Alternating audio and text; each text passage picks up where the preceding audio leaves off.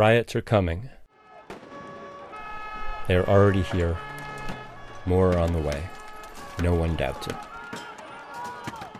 They deserve an adequate theory. A theory of riot is a theory of crisis.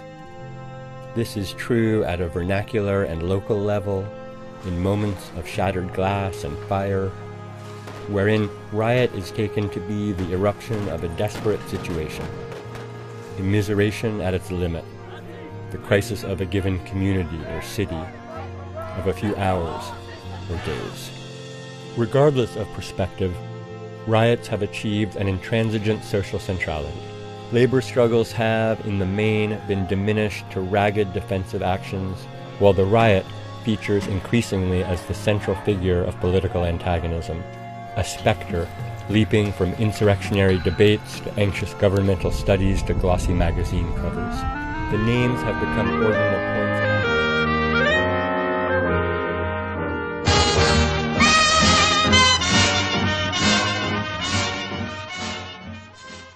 Välkommen till podden Apans anatomi med Mattias och Erik.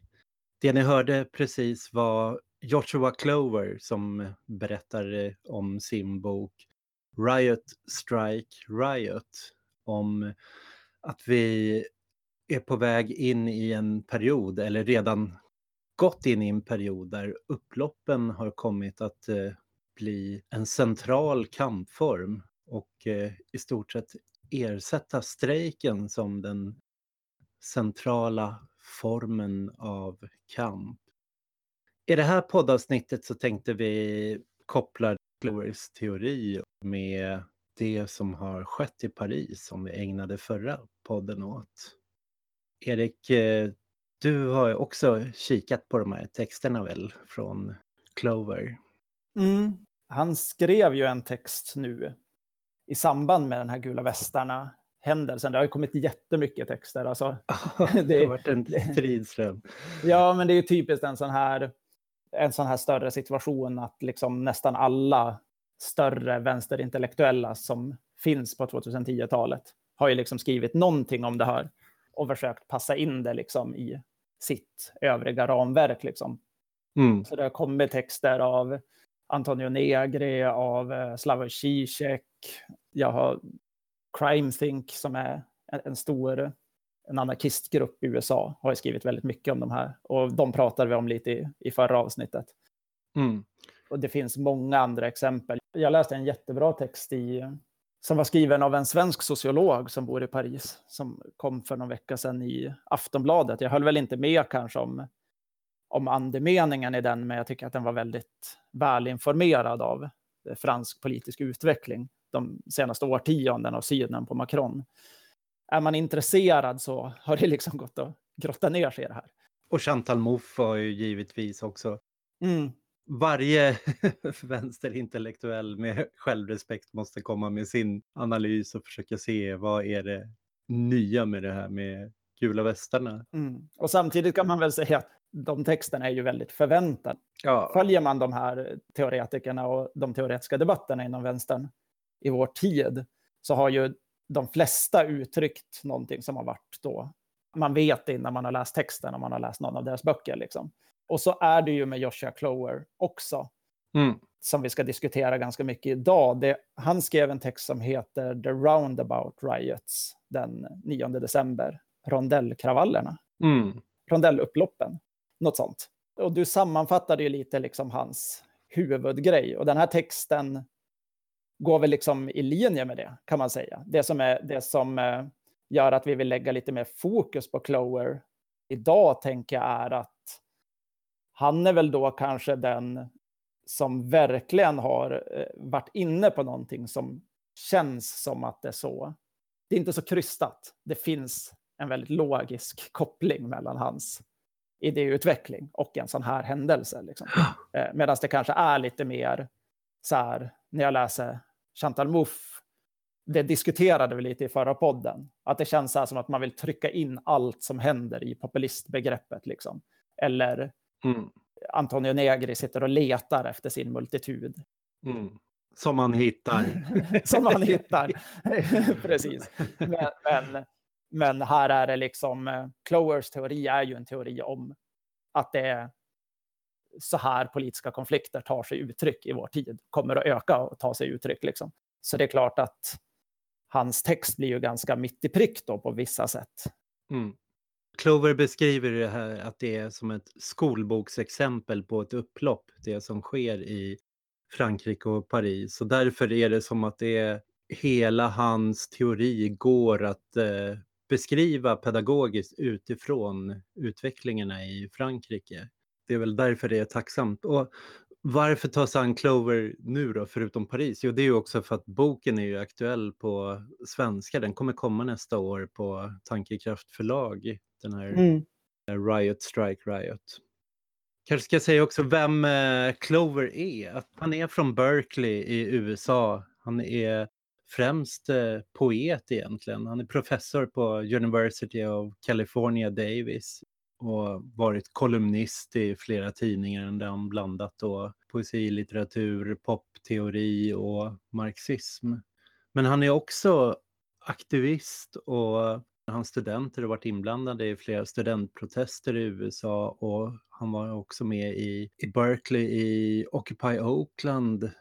Det var väl en av de intressantaste Occupy-grupperna i USA det kändes ju som att en del av Occupy-grupperna reproducerade kanske en symbolik. Att, alltså jag, jag gillar ju torgockupationerna, för torgockupationerna var ju också någon typ av konstituerande av en gemenskap där man förde ett samtal men också förvaltade mm. i mikroform någon typ av samhällsgemenskap. Det var det man experimenterade med. Så på jättemånga ställen samtidigt så hamnade folk i ett sammanhang där man så här, okej, okay, men vi vill ha mat här, vi vill kunna vara här hela tiden, så vi vill ha mat här, vi vill kunna besluta om saker, vi vill att det ska finnas underhållning. Alltså, så man skapade mikrosamhällen. Liksom. Och den erfarenheten är ju jätteviktig, men det som kanske separerade Oakland, där då Clower hängde, var ju att de, det fanns mycket starkare, liksom, en mycket starkare strategisk debatt där. Liksom. De mm.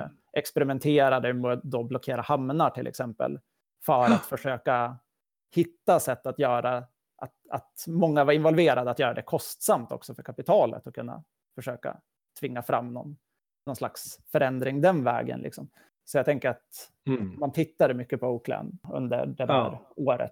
Sen kan man ju också se att uh, den lilla krets där som Clover är verksam med, som Jasper Barnes och flera andra, de uh, har startat två intressanta tidningar också. En som heter N-Notes och N-Notes är en eh, engelsk och eh, Oakland-baserad tidning i det man skulle kunna kalla vänsterkommunism i den traditionen. De blandar så här, fransk teori men lyfter även så här, tysk eh, eh marxism, värdekritik. Och det här är liksom små marxistiska strömningar men de har ändå varit väldigt vitaliserande de här tidskrifterna. Om man följer marxistisk diskussion så har det varit en hel del referenser till de här. Och Clovers Riot Strike Riot stödjer sig rätt mycket på det där kollektiva arbetet i den här Endnotes-tidningen då, att den eh, vidareutvecklar de teorierna. Och nu har de även startat en mer populariserad tidning som heter Commune, kommunen då, som har kommit med sitt första nummer ja, alldeles nyligen. Vi kommer mm. lägga upp länkar till det här så att ni, ni kan kolla in. Men den är också väldigt spännande och den befinner sig också nära de här Tikkun, eh, SAD, Osynliga kommittén som vi pratade om i avsnittet om SAD och den franska strömning som har varit väldigt närvarande i de här gula västarna-protesterna. Så att det, mm. Clover har funnits i ett, ja han har varit liksom i ett direkt utbyte diskussion med dem i Frankrike, alltså de vänsterströmningar, anarkistströmningar som har deltagit i Gula västar. Så att det är inte bara skrivet från en akademisk kammare utan Nej, och det verktes ju på Tikkons, eller Tikkones texter, att, eh, som, som också har kommit under den här perioden såklart, att de hade ju en väldigt sån här eh, typisk, eh, för sig, närvarande inställning. Så här nu är vi ute på gatorna, det är nu det gäller, nu ska vi göra, eh, nu måste vi åstadkomma det här. Liksom. Och vad är det då hos eh, Tikkun och Clover? Att om vi tittar på Frankrike så det beskrev vi redan i förra avsnittet att eh, vi ser ju två former egentligen av protester. Det ena är det som sker på landsbygden som är protester mot bensinpriserna där man eh, blockerar eller öppnar upp betalstationer så att eh, bilister kan åka igenom utan att betala vägtullar. Och det här är ju en rörelse som inte har mattats av utan verkar pågå just den strömningen. Mm. I franska ja, mindre städerna och landsbygden där det har haft ett extremt stort folkligt stöd, de här äh, aktionerna.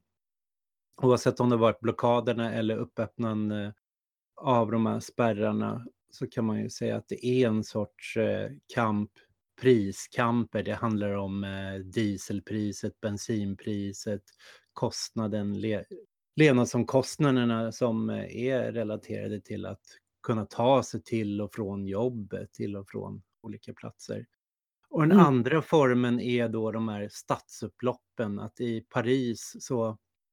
Jag har ju fattat det som att eh, om det i mindre städerna har handlat om demonstrationer man har organiserat, det har varit lite mer koordinerade aktioner. I Paris har det inte... Det har ju eh, pågått varenda helg nu i december, till och med som dagen innan julafton så var det upplopp i Paris. Och Mm. Franska polisen har stängt av eh, alla möjliga vägar för resten av Frankrike ungefär att ta sig in i, i stan under helgerna för att liksom inte få folk att resa dit men att det är folk i Paris tar sig inåt stan och då är det man samlas på mängder olika platser, går i en form av demonstration några kvarter till polisen spärrar av, skjuter tårgas, då löses det upp och sen så springer alla runt och samlas på ett nytt ställe och så tar sig in längre och längre in och försöker ta sig in till regeringskvarteren och de stora liksom, boulevardgatorna mitt i Paris. Så mm. det har varit en rörelse in och att blockera, vad ska man säga, maktens eh, palats, så att säga, regeringskvarteren. Mm båda de här grejerna har väldigt stor betydelse i Clovers text.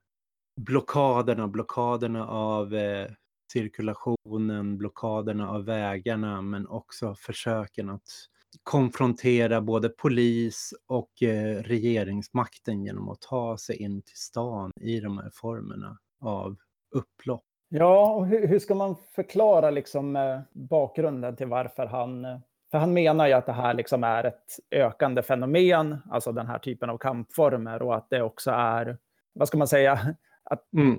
strejken som kanske den, den primära formen för organisering och eh, kamp mot kapitalet, att den har liksom befunnit sig i, i nedgång under samma period, så att det här är liksom en pendelrörelse ungefär. Ja. Och han, han har också tittat på det här historiskt, hur olika epoker olika klassammansättningar menar han då tar sig uttryck åt det ena eller andra hållet.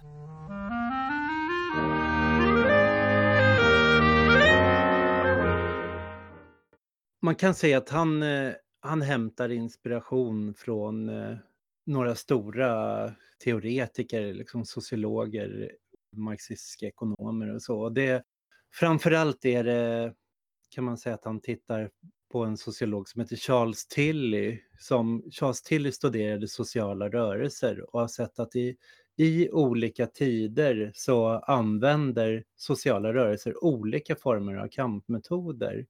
Och varför gör de det? Jo, det är ju för att eh, dels att de lever i olika materiella verkligheter. De är sammansatta på olika sätt, de möts på olika sätt. Om man bor i en eh, mindre by eller är verksam i en större fabrik eller bor i en förort eller jobbar i en industriregion, det, det påverkar ju vilka sammansättningar man har, vilka intressen man har, vilken organisationstyp man kan få, mm. vilka resurser man kan mobilisera och vilka liksom yttre möjligheter som, som sätts. Och alla de här tittar då Tilly på säger att därför skapar liksom, det finns eh, kollektiva handlingsrepertoarer som skiljer sig genom olika historiska perioder. Att han eh, tittar tillbaks till eh, 1400-talet eh, kring eh, de bondeuppror som var då, 1400-1500-talet och sen till 1600 och 1700-talet till de brödupplopp och hungerupplopp som var och sen går det över till 1800 1900-talet och ser till arbetarrörelsens eh, framväxt och hur strejken kommer att bli en central metod. Och det är det här som Clover plockar upp då. Att han eh, ser hur eh, det har skett en förändring under, under kapitalismens framväxt på 1700 och 1800-talet till idag. Att eh, när marknadskapitalismen, handelskapitalismen växte fram, då var det de här konflikterna som Tilly beskriver främst då kring marknaden som var centrala, kring eh, varornas pris på marknaden för att under 1800-talet eh, bli en annan sorts priskamp, eh, nämligen arbetskraftens värde som var den centrala konflikten. Att eh, strejkerna handlade om att eh, få mer betalt för sitt jobb eller det jobb man utförde mot en betalning, att få bättre kvalitet på det jobbet, att det skulle vara kortare eller mindre slitsamt eller mindre farligt. Men även det är liksom kopplat till liksom vad man betalas för att göra. Så att det skedde, det till menar är liksom att här kan man se en förändring av eh, de här kollektiva handlingsrepertoaren. Och det, det tittar Clover på då som är, som är intressant. Men det Clover gör det att mena att, att eh, den här andra fasen, liksom att vi har gått från eh, en marknadskapitalism eh, över till en industrikapitalism och nu befinner oss i en ny fas som är vad man ska säga, en finansiell kapitalism där globalt sett så minskar andelen lönearbetare. Alltså lönearbetet kanske växer men procentuellt andel av proletariatet av befolkningen som lönearbetar minskar och i västvärlden så kan man se en 50-procentig minskning sen eh, sen 70-talet av industriarbeten, att det kommer då också få effekter för de kollektiva handlingsrepertoaren, vad för former man använder. Då menar Clover att de här priskamperna kommer tillbaks. Att vi har gått från en period av riots in i en period av strikes, alltså från upplopp eh, till strejker och nu befinner oss tillbaks. Och då finns det ju mängder av sådana här, det tillägnade så att vara föra statistik på sånt här, de byggde databaser. Det finns andra som Beverly Silver som har byggt en stor databas över arbetarprotester under 1900-talet fram till idag som har börjat även mäta de här formerna av, vad ska man säga, de som inte är lönearbetares protester kring priser utanför, alltså på marknaden, inte i arbetsplatserna. Där vi kan se att från 70-80-talet och framåt så har de här kamperna både i Europa och globalt ökat medan strejkdagarna blir färre och färre.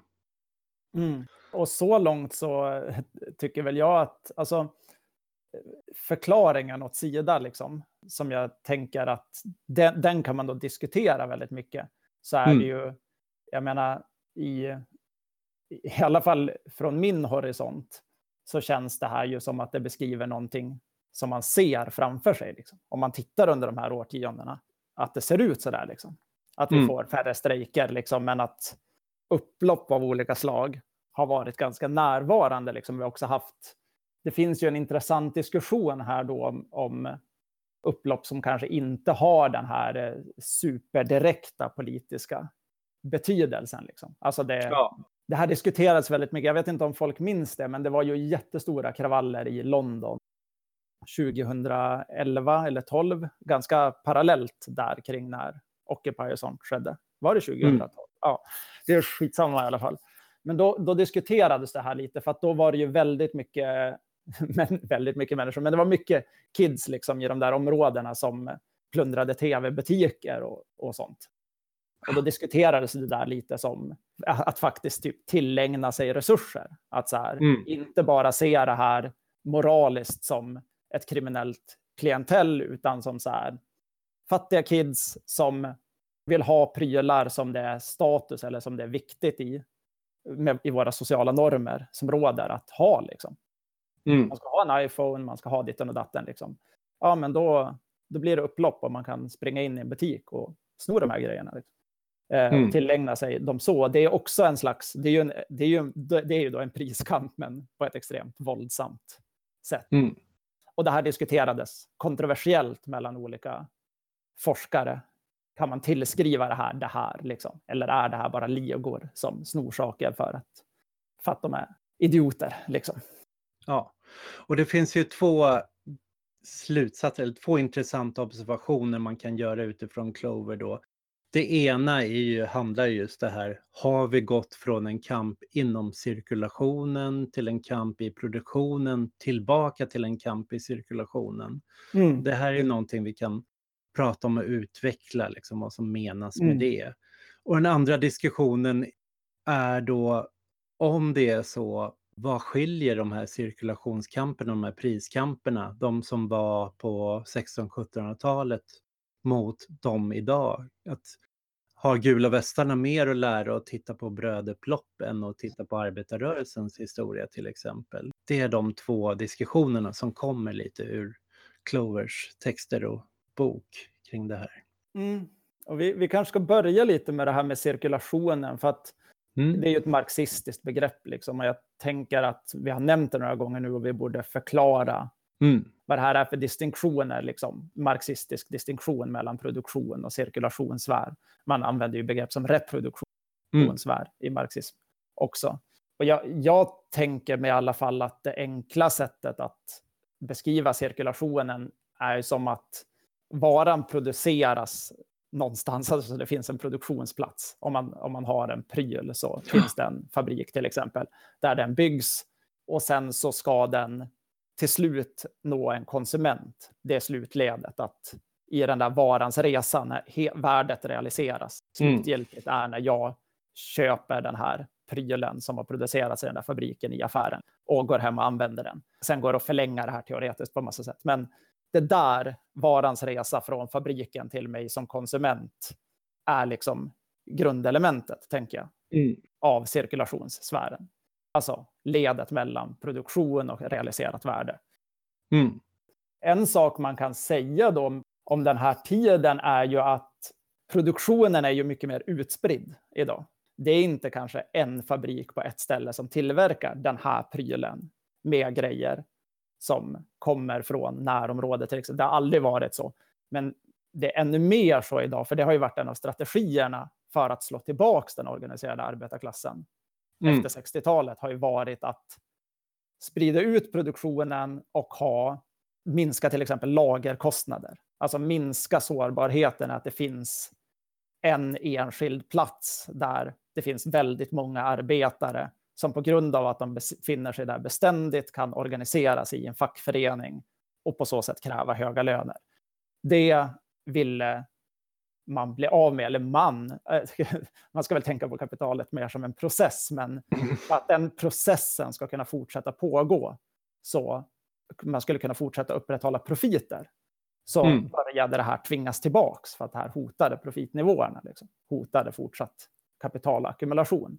Så det här att cirkulationen får större betydelse, tanken om det är ju då att till exempel det produceras massa beståndsdelar av en vara till exempel på massa olika ställen som kommer samman på ett visst ställe hyfsat samtidigt.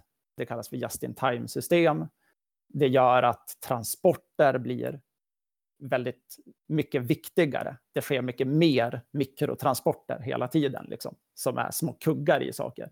Jag läste någon sån här lite intressant text apropå det här. Det var, en, det var någon sån här blogg från den här sfären då som Clover tillhör, mm. Eh, där någon hade observerat den här personen jobbade med någonting på någon av de här brittiska småöarna mm. för ett företag och noterade då hur deras eh, grejer de behövde var liksom delayed i deras mm. logistiksystem för att det var svårt för transporterna att ta sig genom Frankrike. Det här var i början av Gula västern. Så i något företag i Storbritannien så kunde man se liksom hur det här jävlades med ekonomin. Mm. Att saker inte kom fram. Och det där är ju liksom, eh, man kan ju tänka sig att det där ger ett rent strategiskt incitament för att till exempel blockera vägar då. Det är inte bara symboliskt i meningen att i det här fallet att man kämpar kring dieselpriser, för det ska vi komma in på lite också, utan det är också mm. strategiskt i meningen att det på samma sätt som en strejk kan stänga ner en fabrik och då produceras det inga varor där, så stannar så att säga produktionen av samhällsekonomin får problem om transporter inte kan röra sig fritt. Liksom. Mm. Och det som är intressant, då, så det sa jag ju redan i förra avsnittet vi gjorde om det här, det är ju när den metoden, att den används, om man har tänkt på den strategiskt, att den används av grupper som då inte kanske har suttit och läst endnotes eller Nej. någon, någon sån teori som sitter och, och diskuterar det, utan att det mer är intuitivt. Det är det här man ska göra när man liksom vill slåss för någonting.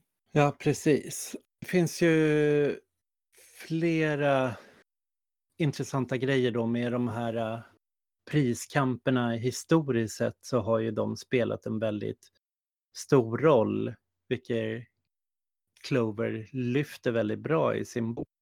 Kan man säga att det som kännetecknar de här uh, tidiga kamperna i, i cirkulationen han eh, listar tre kriterier. Dels handlar det om att eh, en kamp som kämpar kring att sätta varans pris. Att de deltagarna som deltar i den, de har ingen annan eh, gemenskap än identitet än att sakna tillgången till det här. Om man ska säga dispossession, de, de äger inte de här föremålet. Och mm. att det sker inom konsumtionen, det avbryter den liksom, kommersiella cirkulationen av varor. Och den som framför allt har skrivit om det här, liksom, det är ju den brittiska historikern som vi har tagit upp tidigare, som heter E.P. Thompson. Som, han har ju skrivit en fantastisk eh, historik underifrån av hur den eh, engelska arbetarklassen eh, växte fram och hur den formerade sig själv som, som rörelse. Och han har även tittat då på förstadiet till arbetarrörelsen, de här eh, bröderploppen. Då myntar han ett begrepp som han kallar för den moraliska ekonomin. Att det är inte en politisk ekonomi, det handlar inte om en marknadsekonomi utan en vilka priser som man anser är rimliga för att kunna överleva, vilka priser som anses vara rimliga för de som säljer att sätta. Och ofta är det då bagaren eller mjölnaren på marknaden. Så under 1700-talet i England, det här beskriver E.P. Thompson i den The Moral Economy of the English eh, Crowd in the 18th Century. Jag tror vi översatte en bit av det här också, hade med i Brands temanummer eller temabok om upploppsfaran så finns en av de här texterna i E.P. Thompson. Och då handlar det främst om kvinnor som går ut på marknaden för att köpa bröd. Brödet eh, Kosta kostar skjortan, liksom har stigit i pris. Och de blir rasande antingen på bagaren eller på mjölnaren som tar ut ett överpris då för att mala det här. Så det man gör är att man samlas och sen så går man dit och genom hot eller upplopp eller trakasserier tvingar fram ett mer rättfärdigt pris. Man går inte dit och plundrar och stjäl allt utan eh, man, eh, eller kvinnorna som deltar tilltvingar sig ett pris som de tycker är rättvist. Så de samlar in pengar, betalar och säger det här är det du får, nu tar vi det vi ska ha. Vi skiter i om du har velat ha, ha mer någon, jag läste en beskrivning att det var lite där anarkistiska fanan någonstans har kommit ifrån en gång. Förutom att vara en så svart underkjol liksom under eh, någon av de franska 1800-talsprotesterna så var det också att man satte en svart limpa på en pinne, liksom en bränd eller svartmålad limpa på en käpp och stack upp. Och då samlades alla kvinnor att säga nu jävlar, nu, har de, nu håller de på och jävlar med vår ekonomi igen, liksom, för att vi ska klara och överleva. Så drog man dit och följde den där brända limpan dit.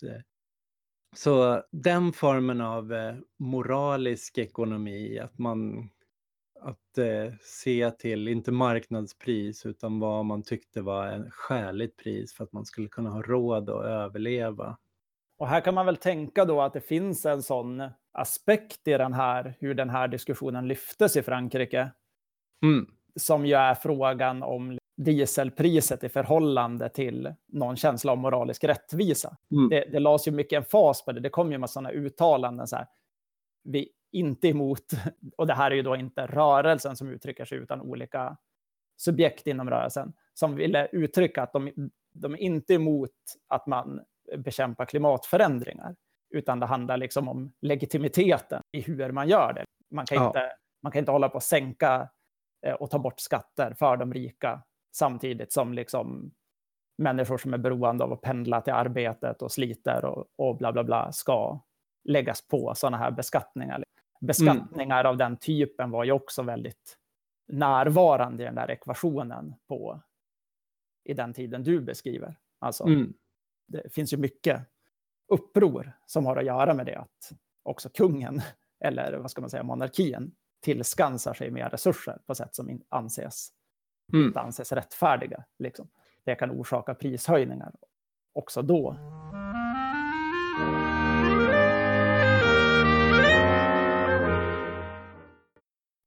Man ska väl säga någonting bara om att det här med cirkulationens ökade betydelse och så att det är ju inte bara att produktionen flyttar ut så här, utan det är ju också det här med att arbetarklassen så som den var sammansatt också blir mer fragmenterad igen. Så att den här gemensamma nämnaren är att befinna sig på en stor arbetsplats som är dominerande mm. i lokalsamhället och där man kanske också har en man i hushållet som jobbade medan kvinnan var försörjningsberoende av den mannen gjorde att den här industrin var så uppenbart central för mm. känslan av var man var tvungen att kämpa och vad man ville göra för att förbättra sina livsomständigheter. Mm. Det är ju inte lika tydligt, alltså den punkten är ju inte lika tydlig idag. Att så här, Nej, den är tydlig på ett visst sätt det Clover tar upp att det finns ju mycket kopplingar mellan eh, brödeplopp och bensinploppen i att det går ut på att tvinga pris på försörjningsmedel. Där har mm. de ju, och han kopplar ju också till inte bara bensinplopp i Frankrike då, utan att det har varit motsvarande upplopp och tester i Mexiko och även han tar upp biljettpriserna i Brasilien som motsvarande mm. upplopp för att hålla ner ett pris jag menade att det, det, är inte så att den faktorn inte finns längre, Nej. det är att det inte den finns inte där den var. Liksom. Nej. Jag ser det som att Clover beskriver det här, att det är price setting är mm. det här. Alltså, det är det här där man har en, någonting universellt. Mm. Och det finns vissa sådana saker då som är ganska tydliga. Ja. Det kanske inte spelar jättemycket roll med vissa konsumtionsvaror i en mataffär och så i Mexiko så har ju ett av exemplen varit majspriset som har lett ja. till sådana här saker. Och det är ju intressant för att det har ju också hängt samman med klimatförändringarna, att man började, skulle producera massa miljövänliga drivmedel mm. genom etanol. Och så började man använda de grödorna till etanolproduktion, vilket drev upp priserna på dem, så att det blev dyrt att köpa mat för befolkningen i Mexiko. Så där har man igen en sån dynamik mellan en sån här abstrakt, vi ska ta ansvar för klimatet, och en prisökning som har lett till upplopp. Mm. Och vi kan ju se även i Frankrike och Italien och så, så finns det ju fortfarande priser som är satta på en moralekonomi snarare än eh, marknadsekonomi på sånt du behöver försörjningsmedel.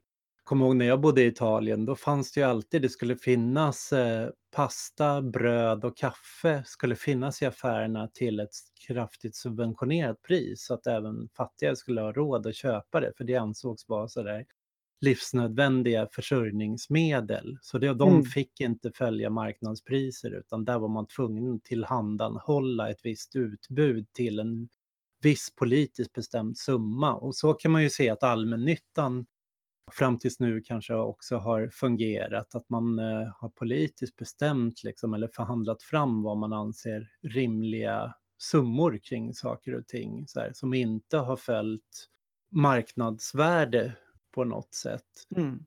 Det är ju en grundlagsberättigad, ett grundlagsberättigat undantag kan man säga. I, i, eller det är så man har motiverat det i Sverige innan 2011 då den så kallade allbolagen mm. slog ut det här med att garantin, rätten till bostad, skulle liksom vara viktigare än marknadsbalans. Och det är väl också där eh, Clover ser att det finns en... Det är ju så när han beskriver upplopp så är det ju inte...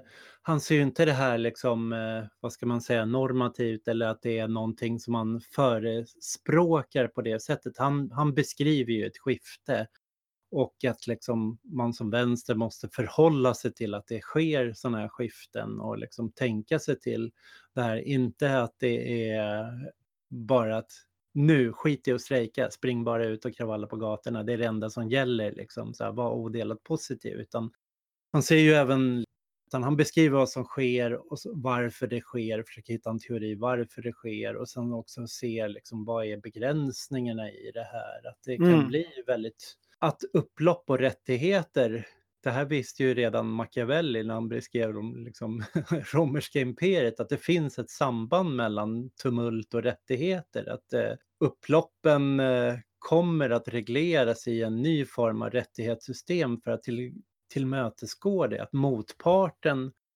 i prisupploppen, det är ju bagaren eller mjölnaren, men ser man på ett större skede så har upploppen haft staten som sin motpart som har försökt garantera någon rättighet då för att mm. eh, vi ska ha rätt till det här bröd, vi ska ha rätt till bostäder, vi ska ha rätt till det. Så att det har funnits en statlig reglering.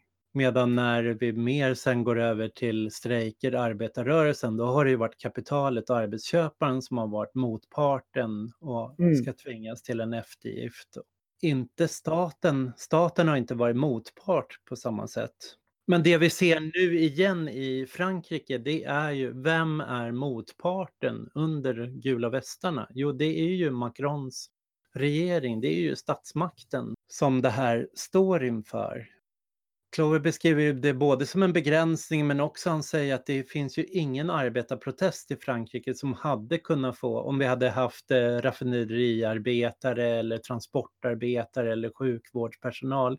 Ingen hade ju kunnat nå samma massiva sammansättning som de här prisupploppen kring dieselpriser, att bli så massivt eh, där alla är berörda och alla kommer att delta på det sättet. Så där tar han ju också som ett exempel då att, att uh, under stor del av 1900-talet la du ner Volvo eller la ner industrin så var det att slå ut hela den staden.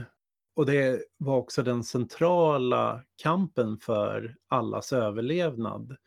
Men idag så arbetsplatserna, det är kanske inte en nedläggning kommer inte skapa samma breda samhällsprotest som en priskamp.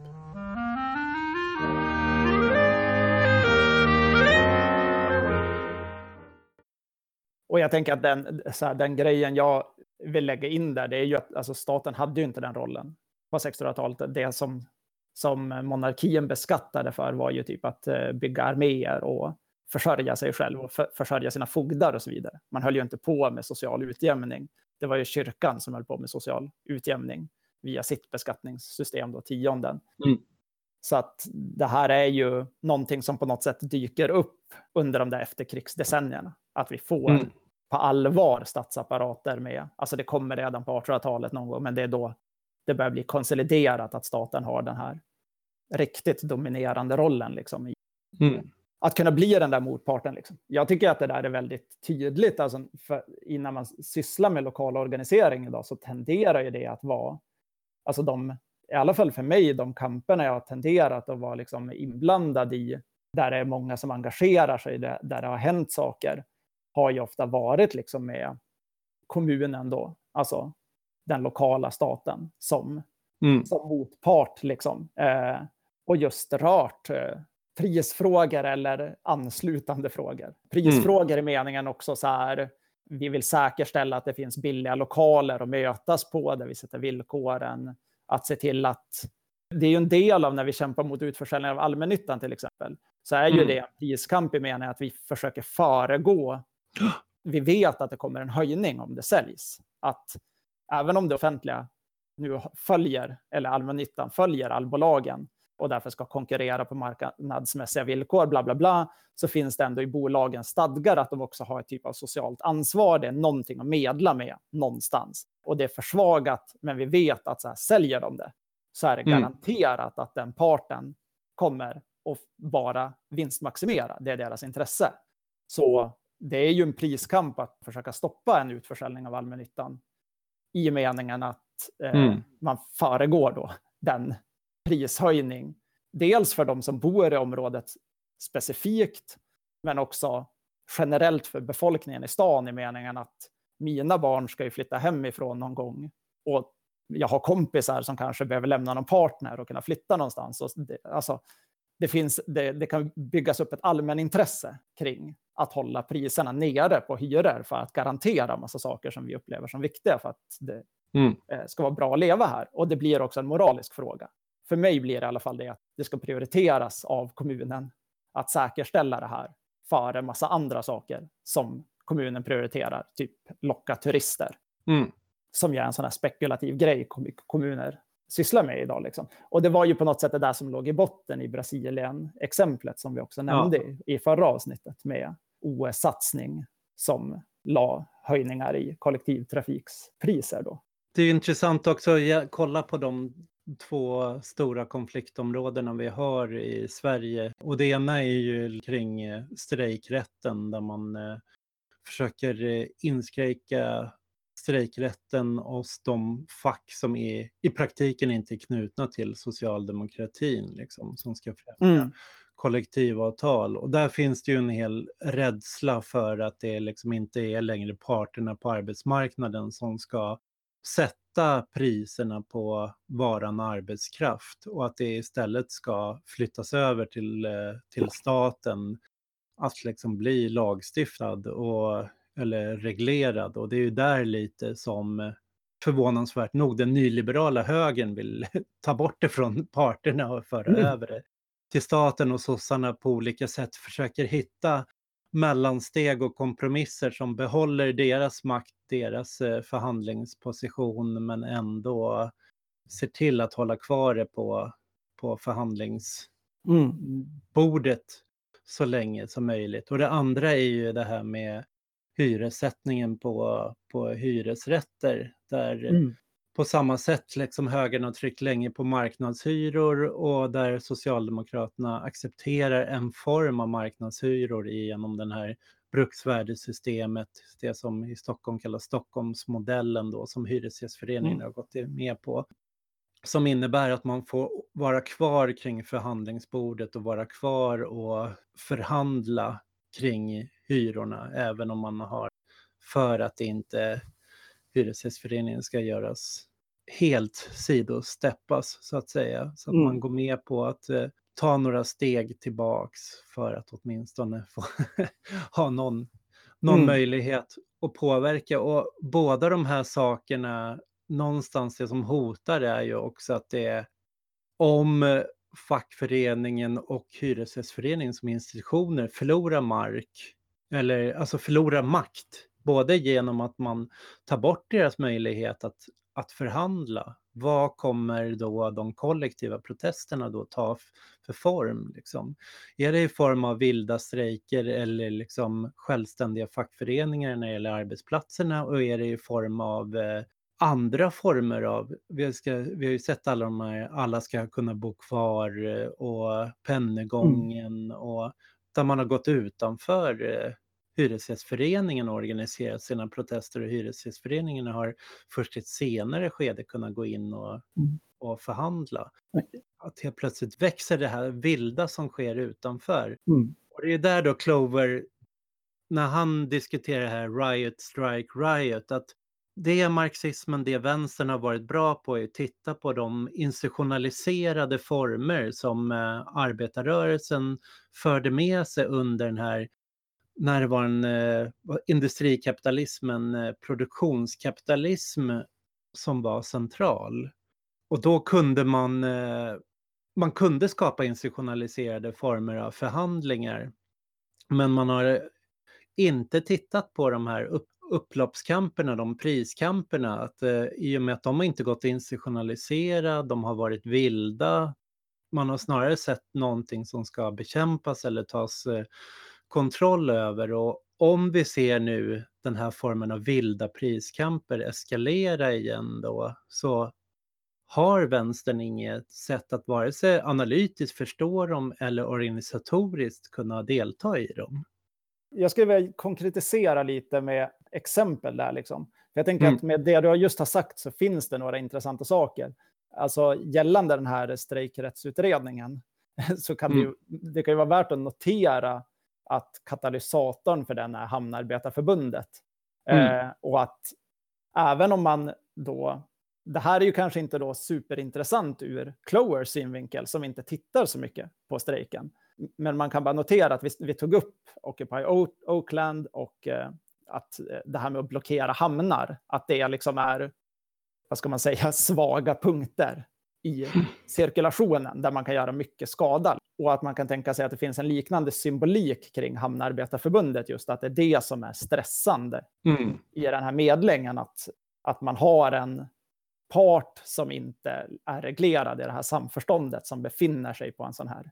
Mitt i cirkulationen. Precis, mitt i cirkulationen. Och som, på, som då, om strejken, eh, om det blir mindre och mindre strejker, så är det kanske på just sådana här ställen där ganska små grupper teoretiskt sett skulle kunna strejka och göra stor skada. Sen kan man ha mycket invändningar mot det, men det finns, eh, det finns en del sådana teorier och, och just i Clowers kretsar och i mm. slutande kretsar så har man ju diskuterat hamnar väldigt mycket. Liksom. Det var ingen slump. Mm.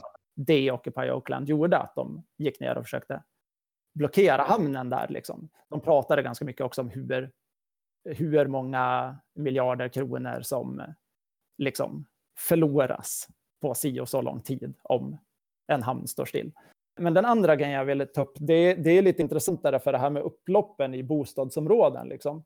Mm. Alltså precis som blockaderna i Frankrike är, jag, jag sa i början att de, är, de, har inte läst endnotes. Det, det är inte så att det här kanske är strategiskt elaborerat, utan det är mm. intuitivt på något sätt att det är det de väljer att göra.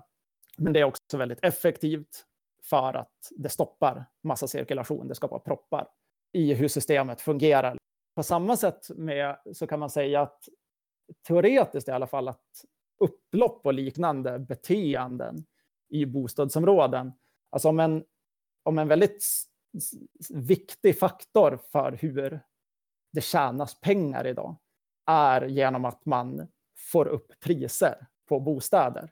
Mm. Gör man ju det genom att eh, eh, kultivera och sälja ett bostadsområdes rykte. Alltså det är inte bara enheten, bostaden, väggarna, materialen som man säljer, eh, utan man säljer att bo på en viss plats. Mm. Och en plats som är präglad i till exempel den allmänna diskursen av att det sker massa upplopp blir ju såklart mindre attraktiv det finns också en potential där för att från både från staten som vill visa att den har kontroll och från fastighetsägarna, vilka också ofta är staten i många områden, att upprätthålla värdet på sina fastigheter. Dels genom att de inte typ eldas ner eller att de då sänks rent mentalt eh, eller psykologiskt. Liksom. Så mm. här har ju liksom upploppen, och då menar jag igen så här att de som begår upplopp i ett bostadsområde i Sverige idag har ju troligen inte det framför ögonen för det mesta. Men det kan ändå ha den effekten. Liksom. Och här ligger ju lite den intressanta diskussionen i hur man tänker kring sådana saker och förhåller sig kring sådana saker. Att så här, ja, men det är, det är kanske faktiskt ett effektivt sätt att medla till sig saker, att få priser att sänkas, att, att bete sig så här, för man har ett leverage. Liksom. Utan att då säga någonting om de moraliska implikationerna. För att det är ju en stor kringdiskussion, precis som det är det kring strejker. Liksom. Strejker drabbar ju massa människor. Stängs saker ner så... En strejk på ett sjukhus till exempel är ju väldigt uppenbart en svår moralisk fråga ur en allmänhetssynvinkel. Och på samma sätt så dyker det uppenbarligen upp en sån diskussion kring ett, kring ett upplopp. Men jag tänker att det här ändå är så här, exemplifierar lite. Mm hur kopplingen är mellan de här mer konkreta priskamperna som att öppna upp vägspärrarna så att man inte betalar tullavgifter eller att öppna upp spärrar i tunnelbanan eller att vad det nu kan vara. Och de här mm. mer desorganiserade så här, kravalluttrycken som kan fylla liknande funktioner.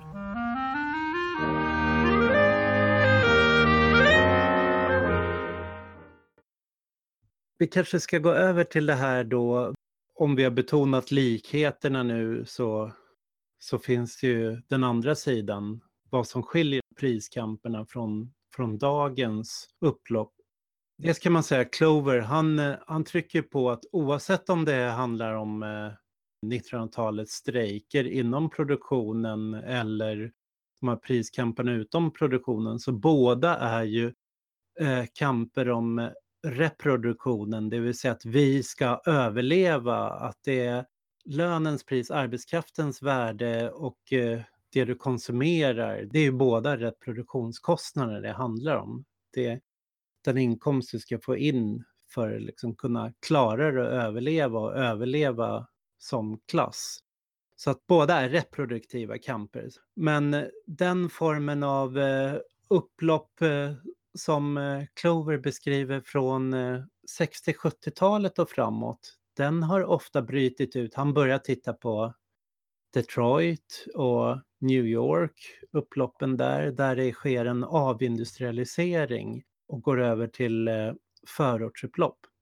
Och de förortsupploppen utbryter ofta hos en befolkning som eh, är exkluderade från lön. Så då plötsligt har du två former av kamper här som är värdekamper så att säga i vår tids upplopp. Det ena är de vars lön inte längre räcker till till konsumtionen längre, där man inte har råd med försörjningsmedlen. Det kan vara en medelklass som håller på att proletariseras, eh, tappar position. Det kan vara arbetare som är allt mer belånade, som inte har råd med bensinpriset längre. De här franska kamperna passar ju väl in i den kategorin. Men den andra kategorin, de som är exkluderade från lön, där är mer de här förortsupploppen. De som inte ens har kommit in på någon arbetsmarknad, eh, fått ett lönarbete, utan eh, vars existens snarare är beroende på ett sätt av staten, av, av vissa bidrag eller att vissa service fungerar, tjänster fungerar och där varje sån förändring får stora konsekvenser. Så att eh, det är det, den sidan liksom av förortskampen. Och Clover tar också upp att det utlösande faktorn är oftast inte en priskamp där, utan det utlösande faktorn är den formen man möter staten på är genom polisen. Att det mm. är när någon ungdom skjuts ihjäl, någon person skjuts ihjäl, det kan vara en kriminell, det kan vara liksom någon som varit inblandad i ett upplopp eller bara någon som polisen har jagat efter av någon anledning eller stoppat i en, eh, på motorvägen av någon anledning och misshandlat. Så dels dödsfallet och det sen när poliserna frias och ses som att det här var inget tjänstefel, det fanns inget uppsåt i, i mordet. Det är då som de här upploppen bryter ut. Och de känns ju lite så här mer, eh, han får ha lite mer skohorn där för att pressa in de här i det handlar fortfarande om eh, reproduktion, överlevnad på det sättet att eh, men eh, det går inte riktigt beskriva som priskamper, den formen av liksom, förortsupplopp på det sättet. Det är inte bara det där att man åker in och plundrar butiker för att få sin mobiltelefon, utan det här är ju snarare en eh, annan form, indirekt att det livssituationen har blivit så pressad i vissa förorter att eh, upploppet är ett sätt fästa fokus på området, eh, få någon form av självrespekt, slå tillbaks mot någon form av eh, där, den statsmakt man ser, men också få ökade resurser, att ökade fritidsgårdar, ökade förortssatsningar på det området. Och det kan man ju se har följt de här olika områden har ju liksom sen har man gått in och försökt skapa en aktiv eh, föreningskultur, fritidsgårdar, olika satsningar för att inte liksom mm. de här förutsupploppen ska upprepas. Ja, en av poängerna här är väl att alltså, vi lever ju i en ojämn geografisk utveckling som mm. präglas både så tydligt av att människor får problem med livsbetingelserna på grund av investeringar och på, alltså, som inte fördelas jämlikt då, som i fall med gentrifiering och så vidare, att det investeras massa kapital i ett bostadsområde, man har inte längre råd att bo kvar. Men sen finns ju också alla konflikter som rör desinvestering. Alltså, mm. Det är det du tar upp när du säger platser som avindustrialiseras och så vidare. Alltså, det är platser som präglas av att massa grundläggande resurser försvinner så att livsbetingelserna blir dåliga för att det är långt att ta sig till massa saker man behöver. Det finns ingenting att göra. Det, det är en social situation som inte fungerar av sådana omständigheter. Det får ju också då, mm. även om det tar sig det här uttrycket, så har det olika logiker. Liksom. Det här är ju en fråga som är väldigt viktig att diskutera, apropå gula västarna och i Sverige också. Alltså just det här, den här dubbelheten. För precis som Frankrike så präglas ju Sverige väldigt mycket av det. Att vi har platser som hela orter eller städer, kommuner som befinner sig i långvarig stagnation i, i desinvesteringsperioder mm. med alla de typer av känslolägen och uttryck som det tar sig. Och att det ibland logiskt kan vara svårt att para ihop det här i vissa mm. teorier. Då liksom. Hur bemöter man den situationen? Hur bemöter man en situation där man är, är hotad av aktivt ökande mm. priser för att det går att ta ut mer priser för det finns fler kunder till exempel. Det kan vara därför priserna ökar på kollektivtrafiken i Stockholm till exempel. Man kan öka dem för mm. att man vet att det finns en ökad betalningsförmåga hos mm. väsentliga grupper. Liksom. Det flyttar in massa ganska välbeställda människor till Stockholm. Mm. Ja, det intressanta med Frankrike är väl att båda de här förekommer. Att vi har både de vars lön inte räcker till till konsumtion längre och det kanske är främst den här gula västarna landsbygdsformen där, den, där vi ser den här formen. Så här. Och sen så ser vi upploppen i Paris där vi kan se att där förorten faktiskt har deltagit. Där finns den här till exempel den här sanning och rättvisa, att Adama Traore-kommittén där Adama var en, eh, en person som dog i polishäll 2016 och det blev en våg upploppet efter det. Så att den förortsorganisering som föddes ur den upploppsvågen 2016, de är högst delaktiga i gula västarna just i mm. Paris i försöken att ta sig in till innerstan och också de plundringar som har varit i, i Paris. Så att båda mm. de själarna finns med i gula västarna. Mm. Det berodde väl lite också på att det, det skedde, eller det finns den här parallella skolreformsplanerna i Frankrike. Ja. Så det var ju just en typisk sån där situation med polisiär repression mot skolelever som skulle protestera mot det som mm. kom in i ekvationen av vad som hände i Paris. En av de här helgerna i alla fall, då det var som mest stökigt. Mm.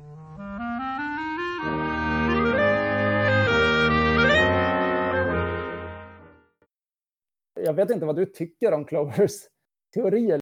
Mm. Jag tycker liksom att alltså den är, vad ska man säga, erfarenhetsobservationen som de här tidigare sociologerna och han har gjort. Alltså att man tittar då, hur många strejker sker det under en viss epok, mm. hur många upplopp sker det. Alltså, den förefaller ju för mig vara intressant och korrekt. Liksom. Alltså jag, jag, tycker också att det är extremt noterbart och det är en väldigt viktig fråga för svensk vänster att förhålla sig till att strejkdagarna går neråt och att det inte mm. verkar finnas så här då intuitivt massa incitament att strejka. För man kan tänka sig att om det gjorde det, om det var en sån period där det liksom låg mm. i situationen, då skulle det ske en vild strejkvåg, även om LO var dumma i huvudet, liksom, så skulle det ta sig uttryck via, det skulle ventileras ut på något sätt. Och så sitter delar av vänstern då och väntar på det där, eller hoppas att det där ska hända, och tittar kanske lite åt fel håll. Och där tycker jag att de här observationerna är väsentliga. Så här, hur tar konflikter sig uttryck i samhället och vad kan det bero på?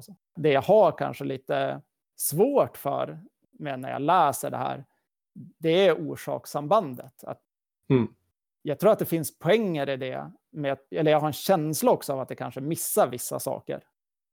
Jag har tänkt ganska mycket på att om man läser mycket teori som kom i början av 90-talet till exempel, som är då, säg att det här börjar på 70-talet på allvar, den här mm. Eh, formskiftet, så är ju också ett skifte som vi har någonstans där på 80-90-talet är ju mm. massmedialiseringen av samhället, vilket ju gör att det skapas incitament så kring, vad ska man säga, om man går ut och typ eh, gör någonting sånt här väldigt dramatiskt i stadsrummet som är synligt, tar på sig gula västar och blockerar en väg eller tänder eld på saker, så, så här, det är massmedialt väldigt gångbart. Det kommer att mm. färdas väldigt långt, det kommer, det kommer att explodera på internet i bild och så. Medan strejken är ju en ganska otymplig att visualisera. Som mm. händelse så är den massmedialt svag. Och jag säger inte att det heller är orsakssambandet till det här. Jag säger bara att det känns som att det är fler pusselbitar i ekvationen av varför människor mm. tänker som de gör, beter sig som de gör. Liksom. Jag vet inte, hur har du eh, resonerat när du har läst Clover? Och så? För jag tycker att texten är viktig. Jag diskuterade ju det här med honom också när han var i Sverige och höll en presentation för oss av boken på Centrum för marxistiska samhällsstudier. Så var han ute och pratade på Cyklopen också. Och jag tycker ju, å ena sidan är det, det är en fantastisk bok för att den är så schematisk. Hur den, det är extremt pedagogiskt hur han tecknar upp de här tre olika perioderna. Så det, det, är det jag älskar den för. Det jag hatar den för är att den är så schematisk och tecknar upp de här tre perioderna. Att det blir, jag tycker att det blir alldeles för förenklande av rätt komplexa situationer. Här, att man kan säga att han stödjer sig på eh, Giovanni Arrigis eh, teori om eh, långa vågor, hur produktionen utvecklas genom det här jag beskrev, att först är nu expansion av en eh, handelsmarknad, sen kommer en eh, materiell expansion av tillverkning och industri och sen en finansiell expansion där ackumulationen börjar avta, det skapas inte mer värde, det blir en kris och så kommer en ny regim och växer fram och så, så beskriver Arigi historien. Och mm. Clover tar också upp eh, då Robert Brenner som är liksom en eh, marxistisk eh, teoretiker, ekonom, som då ser hur den här avindustrialiseringen också följts av att ackumulationen och profitnivåerna sjunker globalt, har sjunkit under en väldigt lång tid. Vi ska ägna ett eget avsnitt åt och diskutera det, liksom, vad den här framväxten av ett globalt proletariat innebär och att eh, en allt större del av proletariatet inte ryms i lönarbetet utan står utanför lönarbetet och därför befinner sig mer i cirkulationskamper. Och det är liksom grundteorin i hela Clovers bok. Och där ser han då facket har blivit en konserverande defensiv kamp. Man försöker rädda sina jobb, behålla sin position, metallarbetarfacket i Sverige vill fortsätta vara löneledande. Att han ser fackföreningsrörelsen mest som en konservativ kraft. Och tittar man på gula västarna så har han ju visst fog för liksom hela den här teorin. Liksom det, CGT har ju kommit in väldigt sent det har varit lokalt man mest har deltagit och när man gått in så har man satt egna protestdagar, utropat aktionsdagar som alla har varit fiaskon. Liksom. Och varje mm. fiasko mm. har man löst genom att sätta en ny aktionsdag och att det är så tydligt att det handlar om att skaffa sig hegemoni och kanalisera in gula västarna i en annan riktning mm. och att man inte lyckas göra det. Man tänker fortfarande att man kan vara den dominerande aktören som ja liksom själv ska sätta sin agenda liksom, istället för att uppgå i någonting och försöka intressera sig för vad det är, subjekten som är i rörelse. Ja. Tillskriva dem liksom värde i sina egna analyser och former. Och... och även om Socialdemokraterna liksom tappar mark i Europa, det vi kallar passokifiering, liksom så är det fortfarande så de tänker, liksom, att de ska gå in och skaffa sig hegemoni, men de kan inte på något sätt förhålla sig till de här cirkulations och priskamperna.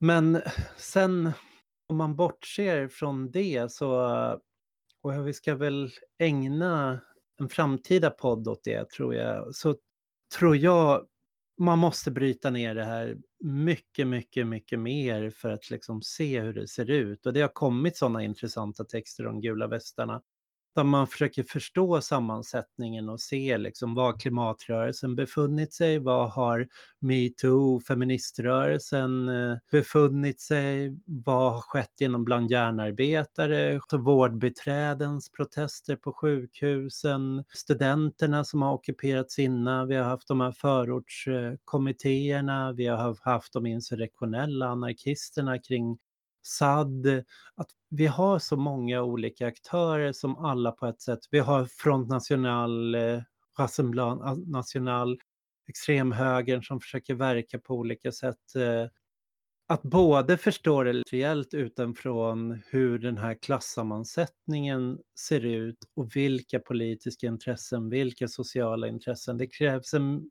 betydligt mer detaljerad karta än eh, det är lite för grovt raster att bara se att här har vi fackföreningsrörelsen, den har spelat ut sin roll, den har blivit reaktiv. Här har vi upploppsrörelserna, den är uppgående. Det är den som vi kan se de framväxande kommande kommunerna i, de som kan reproducera sig själva utan att behöva lönarbeta. Jag köper inte den eh, enkla svartvita modellen och det är inte så jag tycker man kan de protestvågor som har varit har varit betydligt mer att se hur skapas kopplingar mellan alla de aktörer som finns? Hur kommer de att påverka varandra inom och utanför produktionen, inom reproduktionen, liksom feministiska kamper, inom cirkulationen på landsbygd och då blir det mycket mer, det är mer en långsiktigt arbete att skapa de här kopplingarna däremellan och det är också Problemet med Clover och alla de här upploppsteoretikerna är också att de är väldigt användbara just nu när folk går ut på gatorna och kravallar. Men det här har ju redan börjat mattas av i innerstäderna i Paris. Då är frågan om vad kommer ur det här? Vad är det som kan skörda det här? Vad kommer fånga upp det? Och ska man följa Clovers egna modell Alltså Charles Tilly är ju inte så enkel. Han ser ju inte att det finns en handlingsrepertoar utan det finns mängder av handlingsformer som finns i de olika perioderna och det förändras. Att eh, det är inte bara kravall och inte bara strejk utan det är många olika former som man kan använda i en period och många andra former i en annan period. Och en sån form är ju faktiskt att eh, populistpartierna var ju faktiskt förbundna kring den första upploppsperioden populismen var, kom innan klassorganiseringen och nu ser vi populismen växer igen efter klassorganiseringen. Ja, populismen följer ju samma. Man skulle lika gärna kunna skrivit en bok som hade, som hade hetat eh, Populism, eh, klassparti, populism, som hade följt upplopp, strejk, upplopp. Så att det, det är inte så enkelt att det är en handlingsrepertoar som, som Clover ger sken av. Så tycker inte riktigt den håller hela vägen ut, även om jag tycker den är väldigt användbar, väldigt läsvärd. Ja, det låter som att vi har en del saker som vi kan helt enkelt. Men jag är ju med dig i delar av det här, även om jag tror att jag kanske mer än du mm. stämmer in i idén om att kan man säga, den traditionella arbetsplatsen och organisering kring den specifika traditionella arbetarklassen har i min värld då verkligen förlorat betydelse. Inte sagt att den helt har förlorat betydelse, men jag anser mm. att den har det ganska mycket. Liksom. Och att det i min värld då finns ett problem åt andra hållet i Alltså, du säger ju att man på något sätt ska göra det mer komplext, att man ska ta in fler faktorer. Liksom. Och det mm. köper jag. Det jag tycker att blir ett problem i vänstersammanhang ibland, det är ju att man lägger energi på att leta efter och överdriva betydelsen av situationer och sammanhang som stämmer överens med ens historiska världsbild. Mm. Jag tycker det var väldigt tydligt när, för det fanns ju ett sånt här vågspel kring arabiska våren till exempel. Det kom först alla de här teorierna som hävdade att det var kommunikationsutvecklingen som var orsaken till mm. upproren i Egypten till exempel man hade fått Twitter, man kunde masskommunicera på helt nya sätt som eh, diktaturen inte kunde kontrollera. I samma mening, inte än i alla fall, som man hade kunnat kontrollera massmedia. Och sen så kom hela den här vänstermotreaktionen mot den här Twitter-fetischmen. Mm. som var lite så här eh, reduktionerande i en helt annan riktning. Som var så här, okej, okay, mm. men nu ska vi hitta den här genuina 1900-tals strejkkklasskampen som egentligen är orsaken till att det här sker. För det är det det måste vara. Och så tittade man jättemycket på strejker i Nildeltat åren innan liksom, och skrev mm. upp det värdet av dem enormt mycket i mm. berättelsen om vad som hände liksom, och reducerade samtidigt bort alla de här faktorerna av att det i Kairo fanns massa eh, högskoleutbildade personer som var prekariserade. Alltså, de fick, mm. De, de fick degrees, men det fanns inte en arbetsmarknad i den här mm. militärdiktaturen för de personerna. De var i allra högsta grad kommunikativa i globala kommunikationsstrukturer via nätet och det har betydelse. Liksom. Man reducerade det. Så jag, jag tycker att det så är komplexitet, ja, men med risken för att man då går åt andra hållet och kanske mm. förminskar det som är, som är värt att vi ska fatta för att man kastar in för mycket brasklappar. jag tycker ju Clover som glasögon är intressanta att sätta på sig och sen så tror jag att eh, det här är en bra övergång till våra poddar för 2019, liksom när vi får gå in och vrida och vända på det här ur lite andra, titta utifrån produktionen, titta utifrån cirkulationen, utifrån logistiken, reproduktionen och se om vi kommer fram till samma resultat eller andra resultat, eller om det går att foga ihop på något sätt. Mm. Vi får väl säga på återseende till efter nyår någon gång då, mm. tänker jag mig. Så kommer vi tillbaks med massa nya avsnitt i förhoppningsvis ett okej okay tempo. Tackar så länge för alla som har lyssnat under det här året. Mm. Det har ja, varit ett roligt trevande att få eh, testa att babbla om saker. Ja, och vi har många, många, många idéer på vad vi ska fortsätta med. Så att det kommer bli en vår full av fortsatta poddavsnitt.